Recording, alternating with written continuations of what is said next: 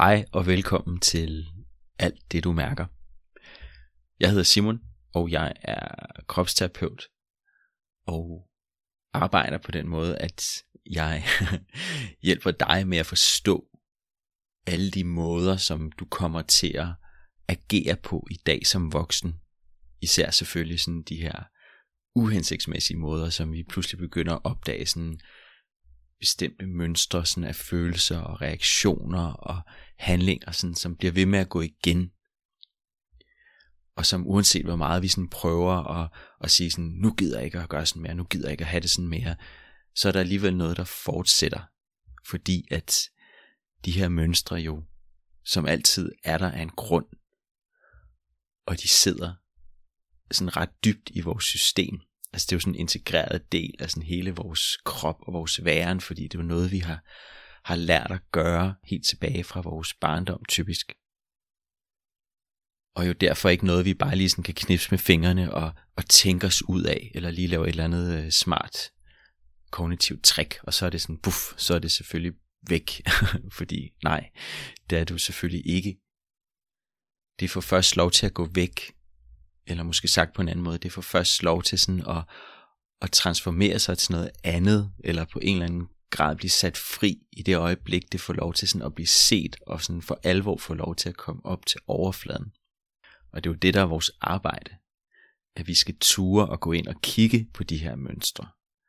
Og i stedet for at bruge al vores tid og kræfter på sådan at gå og holde dem nede og prøve at få dem til at gå væk, så skal vi tværtimod i hvert fald for en stund tillade os virkelig sådan at skrue op for dem og lade dem komme frem i lyset, så de kan få lov til at blive set for det, de er. Og igennem det vil du opleve, at der er noget, der sådan kan få lov til at ændre sig. Der er noget, der endelig kan få lov til at blive anderledes. Og det skal vi snakke meget mere om i netop det her afsnit, som jeg har kaldt Bølger for barndommen. Fordi jeg synes, at der er noget vigtigt i at tage alvorligt, sådan, jamen, de måder, vi reagerer på i dag, der er så tit den her sætning, jamen, det er bare sådan, jeg er. Nej, det er ikke sådan, du er, men det er sådan, du gør.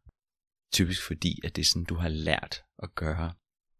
Så skal vi ikke prøve at gå ind og kigge på, jamen, hvor er det, det her faktisk kommer fra. Og begynde sådan at travle det op ved roden, i stedet for sådan hele tiden at være fanget i den her evige brændslukning og den her frustration over sådan at prøve at gøre noget andet, og alligevel hver gang der så er noget, der presser på, hver gang vi ligesom bliver skubbet lidt op i et hjørne, jamen så kommer de her gamle reaktioner frem, hvad enten vi ved det eller ej. Jamen så lad dem komme frem. lad dem få lov til at blive set. Virkelig blive set. Og blive mødt med en nysgerrighed og en omsorg. Og dermed forhåbentlig på sigt med en forståelse, for så endelig at give dem lov til at udspille sig, og så blive færdige, og så kan du komme videre med dit liv. Nå, det blev lidt af en brandtal her. Jeg synes, vi skal gå i gang med selve episoden. Så øhm, god fornøjelse. Jeg håber, øh, du får noget af det. så stort set alt af de ting, som vi står med i dag, alt hvad vi står med udfordringer og dilemmaer og ja, bare sådan ting, der påvirker os i vores liv og vores hverdag, vil altid have en eller anden grad af bølger fra vores barndom. Fordi at vi jo har, for det første har vi jo vores erfaring med os. Altså alt hvad du gør i det her øjeblik, er jo noget, der sådan er bygget op af al den erfaring, du har gjort dig gennem hele dit liv. Det er derfor, vi ser ting så forskelligt, fordi vi alle sammen kommer med, med forskellige oplevelser, forskellige erfaringer, forskellige værdier, og derved også forskellige måder at, at, øh, at se og forstå tingene på. Som jo er fuldstændig det, der gør, at vi kan stå to mennesker og kigge på det samme, og have en fuldstændig forskellig opfattelse af, hvad det er, hvad der er vigtigt, hvad det drejer sig om, hvad der er rigtigt, hvad der er forkert, hvad man bør, hvad man ikke bør, og alle de her ting.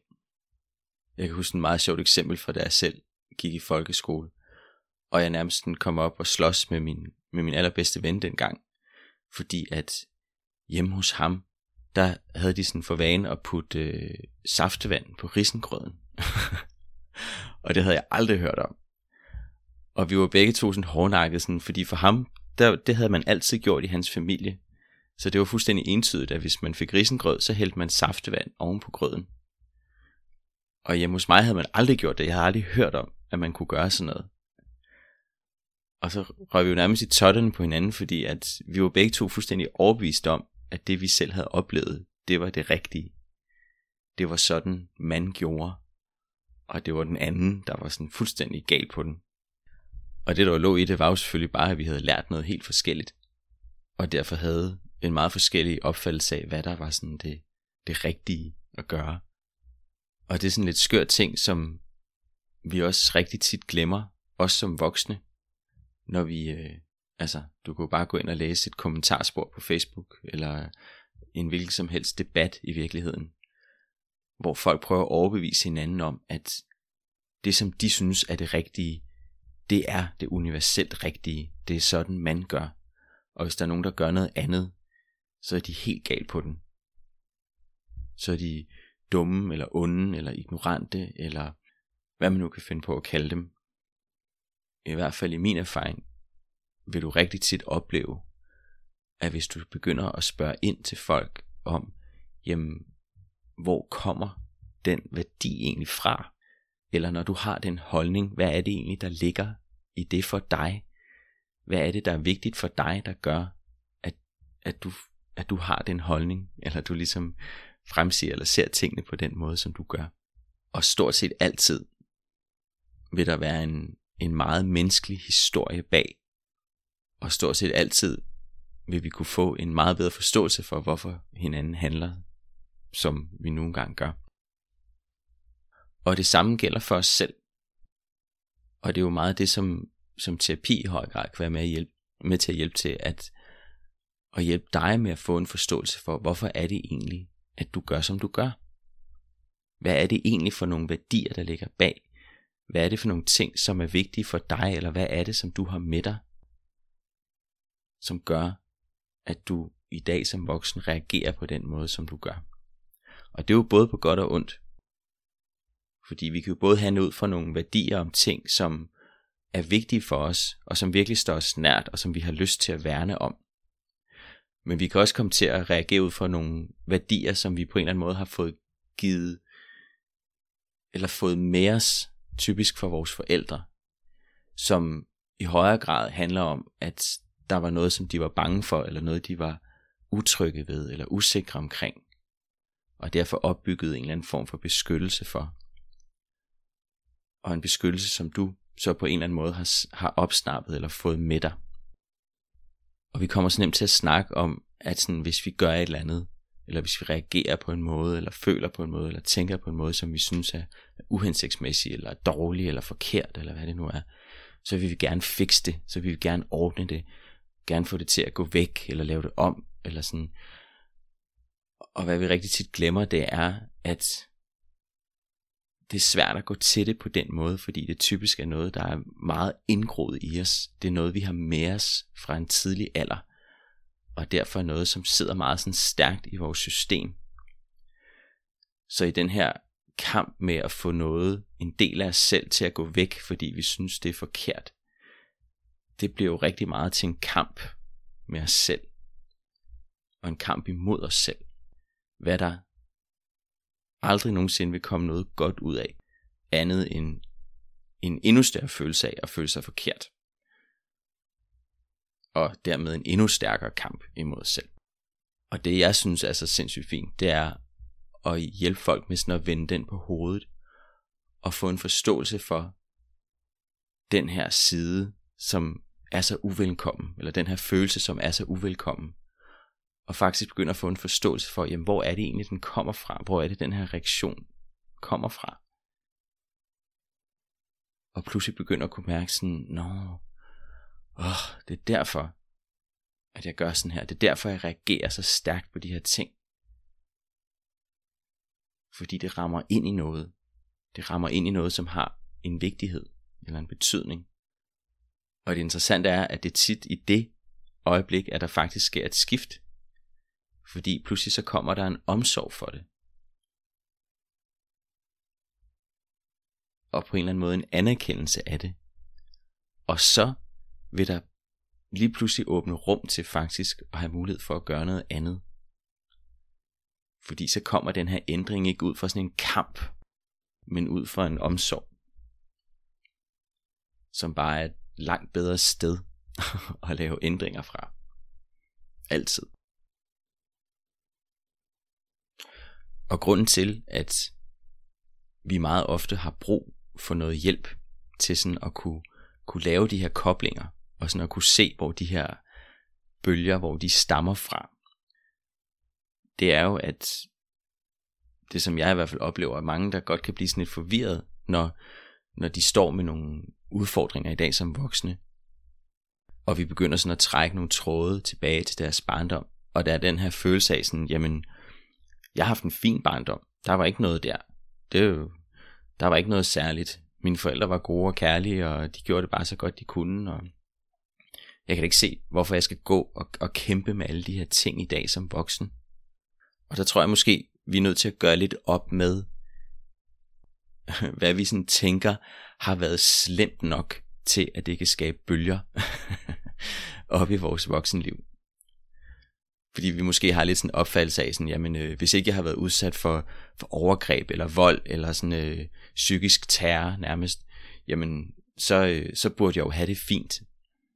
Så burde jeg jo ikke kæmpe med nogle ting som voksen. Så burde jeg jo ikke have problemer med mit selvværd, eller føle mig så usikker, eller så utryg, eller have så sindssygt svært ved at tage beslutninger, eller kæmpe med den her overdrevne perfektionisme, eller hvad det nu kunne være. Fordi at jeg har haft en fin barndom. Det må jo bare være noget, jeg er født med. Og ja, helt klart, der er der ikke nogen tvivl om, at vi bliver ikke bare født som sådan et blankt stykke papir. Vi har, vi har noget med os. vi har på en eller anden måde en, vi har jo en personlighed med os.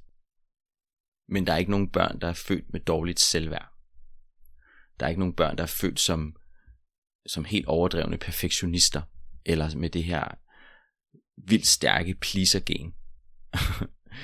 altså sådan, der er ikke nogen børn, der er født som sådan, åh, oh, jeg må tage hensyn til alle andre, før jeg må tage hensyn til mig selv. Og det, hvis du selv har børn, så ved du det også ret tydeligt, at det er der i hvert fald ikke nogen børn, der har. Men alle børn er født med en personlighed. Og det der jo så sker, det er jo, at når vi så på et eller andet tidspunkt begynder at støde ind i vores forældres hårdkanter og i vores forældres øh, blinde vinkler, så vil den her personlighed blive brugt til at udvikle nogle strategier, som vi bruger til at beskytte os selv med. Og det er det, jeg mener med, sådan, at der er noget, vi har lært at gøre. Det er ikke bare sådan, du er, men det er sådan, du gør, fordi at der på et tidspunkt har været en nødvendighed for at beskytte dig selv. Når den energi og den sådan, øh, livsentusiasme og gå på mod og vrede og frustration og hvad det nu er, du er kommet ud med som barn, og det er sådan på et eller andet tidspunkt, og det gør det unægteligt, har ramt ind i dine forældres hårde kanter, og i dine forældres sådan bløde punkter, hvor, hvor de er blevet ramt. Fordi de har følt sig overvældet, eller utilstrækkelige, eller hvad det nu har været, og har reageret hårdt. Og du som barn har haft brug for at beskytte dig selv mod den der hårdhed, og ligesom på en eller anden måde lære at navigere i det, for ikke at blive ekskluderet, men for ligesom at holde dig så tæt på din mor og far som muligt, fordi det er jo det, du tænker på som barn. Hvad kan jeg gøre? Et barn vil helt automatisk tænke, hvis, hvis forældre begynder at, at slå over i sådan at, at, at blive vrede og give skyld, jamen så vil barnet jo tage den skyld til sig. Og der har du brugt den personlighed, du nogle gange har haft med dig, til at udvikle de bedst mulige strategier. Og det er jo blevet det, som du så har med dig. Og derfor så behøver det ikke at være lige med, at du har haft en dårlig barndom. At det behøver ikke at være lige med, at hvis nu du for eksempel oplever det som voksen at være sådan overdrevet perfektionistisk, eller komme til at være enormt plisen, eller gå enormt meget på kompromis med dig selv, eller have en enorm usikkerhed, eller hvad det nu kan være, er det ikke nødvendigvis ensbetydende med, at du er blevet overfuset, eller altid at skulle være perfekt for dine forældre, eller de ligesom meget direkte har fortalt dig, at du skulle gøre tingene på en helt bestemt måde. Men der er nogle ting, du har opfanget i dit naturlige udtryk, når du har ramt ind i noget, hvor de ikke har kunne, kunne rumme det mere, at det er blevet for meget, og de har stået med alt deres gamle bagage. Og virkelig er blevet hårde i kanten, enten ved at de har trukket sig, eller ved at de er blevet vrede og skældt ud, eller ved at de er blevet enormt kede af det, og, og trukket sig ind i sig selv, eller hvad det nu er. Og du har stået tilbage sådan, Åh, jeg må hellere lige, jeg må hellere lige sådan skifte lidt retning her. Så mor og far ikke bliver så vrede, eller så de ikke bliver så kede af det.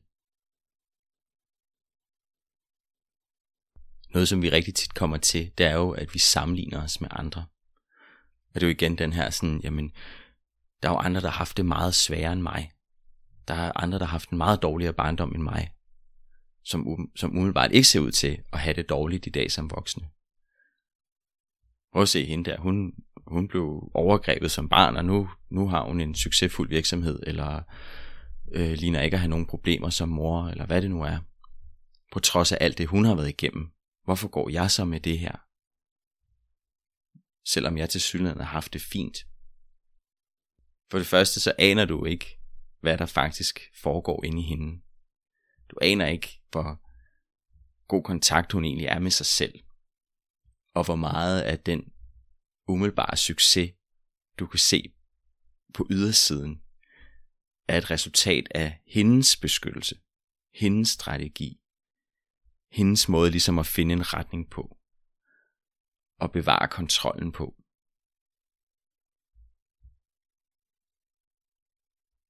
Eller det kan være, at hun har gået sindssygt meget i terapi, og faktisk har er kommet ud på den anden side på en eller anden måde. Hvem ved? Det er i hvert fald en vigtig pointe. Det ved vi meget sjældent. Vi ser bare det der ydre. Vi ser det, der kommer til udtryk.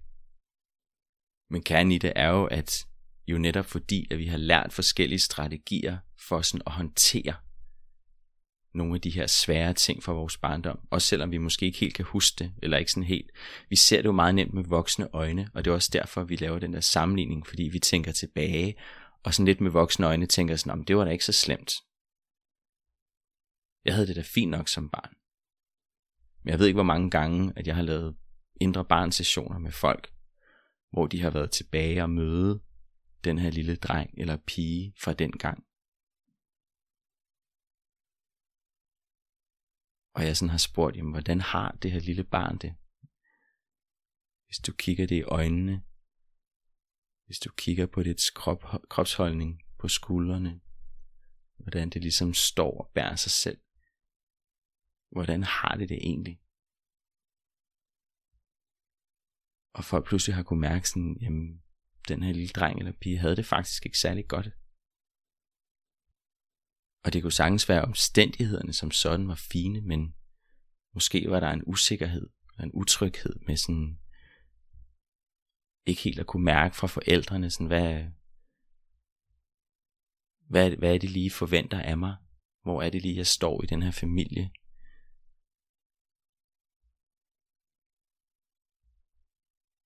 Eller sådan en, en fornemmelse af, sådan, jeg kan godt mærke, sådan, hvis jeg, øh, hvis jeg bliver lidt for vred eller lidt for ked af det, så trækker mor eller far sig. Eller jeg bliver sendt op på værelset, eller hvis jeg ligesom giver udtryk for noget, der er vigtigt for mig, så bliver det sådan, måske lidt subtilt sådan underkendt. Og det kan vi godt glemme som voksne, hvad det faktisk har været i spil, men når vi så får lov at møde det der lille barn, og faktisk kan mærke sådan, okay, der er faktisk en lille dreng eller pige her, der sådan går rundt lidt med en knude i maven. Og man kan næsten fornemme, at sådan det der selvværd, det sådan krakelerer en lille smule. Fordi der er en usikkerhed på sådan, jamen hvad er mit værd? Hvor står jeg i det her? Hvor er I henne, mor og far? Og rigtig tit, når folk får lov at opleve det, så er det pludselig ikke så vigtigt længere, hvad, sådan, hvad andre har oplevet. Altså den der sammenligning. Fordi det, det, ret, det ret tydeligt bliver, at okay, der er et eller andet her. Der er noget, jeg har med mig der er noget i den her usikkerhed, jeg står med i dag, eller det her behov for alting, og altid gøre alting rigtigt, eller have styr på det, eller være sikker på, at alle kan lide mig, og være sikker på, at der ikke er nogen, der kan sætte en finger på, på de ting, jeg laver. Eller at jeg måske meget nemt bliver sådan helt vildt overvældet af sådan de praktiske gøremål, og øh, ja, bare sådan i det hele taget har svært ved sådan at finde hoved og hale i ting.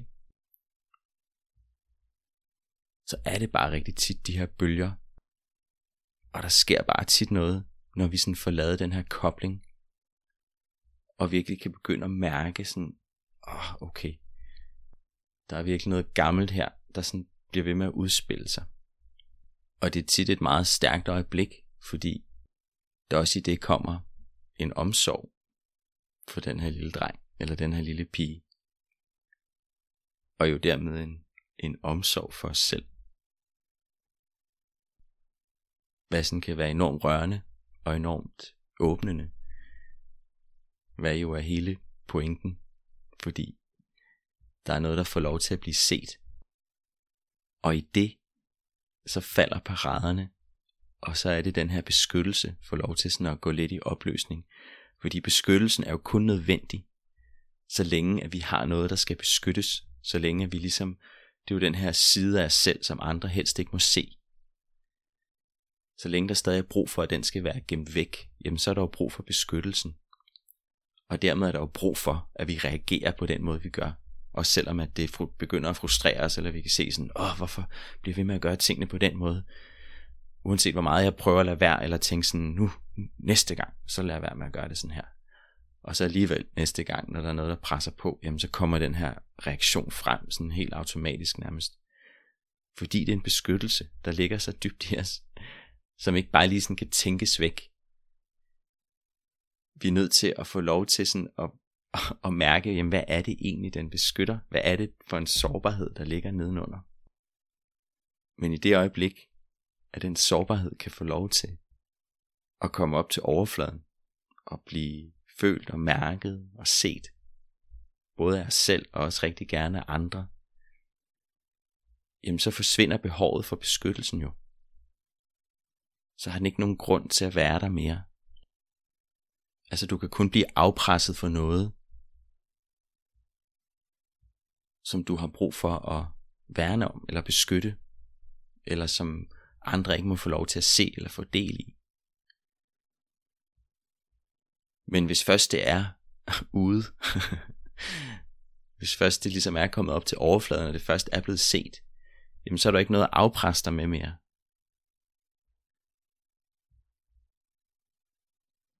så forsvinder kraften i det. Og det, det er det samme med de her beskyttelser. Så har de ikke brug for at træde i kraft hele tiden. Og det er jo derfor, det er så vigtigt, det der med sådan at lade os selv komme til udtryk, især når det er svært. Især når vi mærker sådan, øh, det ved jeg selv ikke, om jeg har lyst til, at der er nogen andre, der skal have lov at se det her. Og det skøre er jo, og det, det er jo en af de ting, man får lov til at opleve som, som terapeut, er, at der er jo ikke nogen, der ikke har de her ting, som sådan, åh, det er bare mig, der går med det her. Alle andre ser ud som om, at de har det fint. Så det kan jeg ikke rigtig få mig selv til at dele, fordi hvad vil de ikke tænke om mig, at jeg er den eneste, der går og har det sådan her. Men hvad vi jo ret hurtigt oplever, er jo, at jamen, der er jo ikke nogen nærmest, der ikke har det sådan her, på en eller anden måde. Og det er så forløsende, når det endelig får lov til at komme op til overfladen når den her sådan lidt, lidt mørke eller skyggeside, eller hvad man nu kalder det, endelig får lov til at blive set. Så ikke nok med, at den beskyttelse, der har været omkring det, får lov til at falde fra. Al den anspændthed, al den uro, al den angst og al den stress, der har ligget omkring det, får lov at slippe. så rigtig tit vil vi også begynde at opleve, at der jo også virkelig er en styrke i den her skyggeside, eller den her sådan, der er jo en kraft i den her del af os, som vi har gået og gemt væk hele vores liv. Fordi der jo også er noget i det, som vi har øvet os rigtig meget på. Altså den her trang til at please og vise helt meget hensyn, og hele tiden sådan kigge på, hvor, hvad er alle andre glade, og sådan der er jo også en kæmpe empati og en kæmpe forståelse for andre mennesker og en, og en meget sådan kærlig opmærksomhed. Som hvis den ligesom kan få lov til at komme op til overfladen og dermed stå frem for et meget mere sådan sundt og grounded sted, så er der jo en kæmpe styrke i det. Fordi så dræner den dig ikke. Fordi du også har lært at stå ved dine grænser, og stå ved dine begrænsninger, og ligesom at, at kunne sige nej, og kunne sige fra, når du kan mærke, at det, det er du ikke i stand til lige nu. Ligesom at der i perfektionismen jo også er en, en, en stand til virkelig sådan at gøre sig umage, og blive ved, og sådan at være vedholden, og insistere på sådan en, en kvalitet af noget, som jo også har en kæmpe styrke. Hvis den kommer fra et sted, hvor at du også er i stand til at kunne give slip, og ligesom at kunne vise din uperfekthed, og kunne vise alle de ting, som du ikke er i stand til. Eller den her trang til bare sådan at trække sig væk, og fjerne sig fra sådan fra andre, og fra, fra sådan praktikaliteterne, eller trække sig sådan lidt ind i sig selv som jo på den anden side har en kæmpe styrke i sådan at kunne at kunne være enormt reflekteret og sådan abstrakt tænkende og have sådan en forståelse for noget omkring måske noget natur og musik og kunst og spiritualitet og hvad det nu kan være. Altså fordi der er noget, der sådan, der sådan kan flyde helt ind i et eller andet. Som jo hvis det er en beskyttelse, så er der jo en flugt i det, eller kan meget nemt være en flugt i det. Men hvis du lærer at være i stand til også at stille dig i gruppen med den her frygt for ligesom at, at gå lidt i opløsning, eller den her frygt for sådan at, at miste dig selv, men faktisk opleve, at du kan godt begge dele. Du kan godt både være en del af fællesskabet, og så samtidig have den her kontakt til det her andet. Så bliver det jo pludselig en styrke. Og det er jo derfor, at det bedste, vi kan gøre for os selv, det er at få hjælp til at åbne op omkring de her svære ting. Jeg hører så meget af den her med sådan, jamen, Simon, hvis jeg, hvis jeg først åbner op for det her, så, så tager du jo al styring, så tager du al kontrol, så, så mister jeg jo fuldstændig mig selv i det. Sådan, jamen, det styrer jo allerede. Hvis det er sådan, du har det, så har det jo allerede kontrollen. Fordi så kommer du til at bruge al din energi på at undgå det. Og så er ikke noget at sige til, at du er træt og udmattet og overvældet. Det kan jeg sgu da godt forstå. Så derfor er det bedste du gør, det er at få hjælp til på en eller anden måde at åbne op omkring de her svære ting. Find et rum eller et forum eller en omstændighed, hvor du kan få lov til at dele også den her side af dig selv. Og så vil du opleve alle de ting, som du sådan går og længes efter og håber på, vil få sådan meget mere naturligt flow. Fordi det ikke vil komme fra sådan et sted af, af sådan en kamp. Men det vil i langt højere grad komme som noget, som, jamen, som bare er der, og få lov til at være der. Hvis der er noget i de ting, som jeg snakker om her, som, som du undrer dig over, eller bliver nysgerrig på, eller har svært ved at forstå, eller måske giver genklang, eller hvad det nu kan være, så skriv til mig en gang på simonsnabelag.kropsvis.dk Jeg er meget spændt på at høre, hvad, hvad for nogle bølger, som du oplever, skyller ind over dig som voksen, hvor du kan se sådan, oh, der er nok nogle dønninger sådan helt tilbage fra barndommen, som, som ruller lidt. Eller måske mærker du bare bølgerne og er ikke helt sikker på, hvad, hvor kommer det her fra. Du er meget velkommen til at dele det med mig. Også hvis du er nysgerrig på sådan at få lidt input til, sådan, hvad, hvor kommer det her egentlig fra? Hvad er det egentlig, der udspiller sig her? Hvad er det egentlig for nogle værdier, eller hvad er det egentlig for en beskyttelse, der, der er i spil her hos mig, der gør, at jeg sådan bliver ved med at reagere på den her måde, hvad enten jeg vil eller ej. Og ellers så øh, tak for, at du lyttede med. Du kan finde alle mine podcasts inde på min hjemmeside, inde på kropsvis.dk-podcast, hvor du også kan finde en masse anden info omkring, hvad jeg laver som terapeut. Og der er også forskellige gratis ting, som du kan downloade derindefra. Tak fordi du lyttede med. Det var en fornøjelse. Ha' en god dag.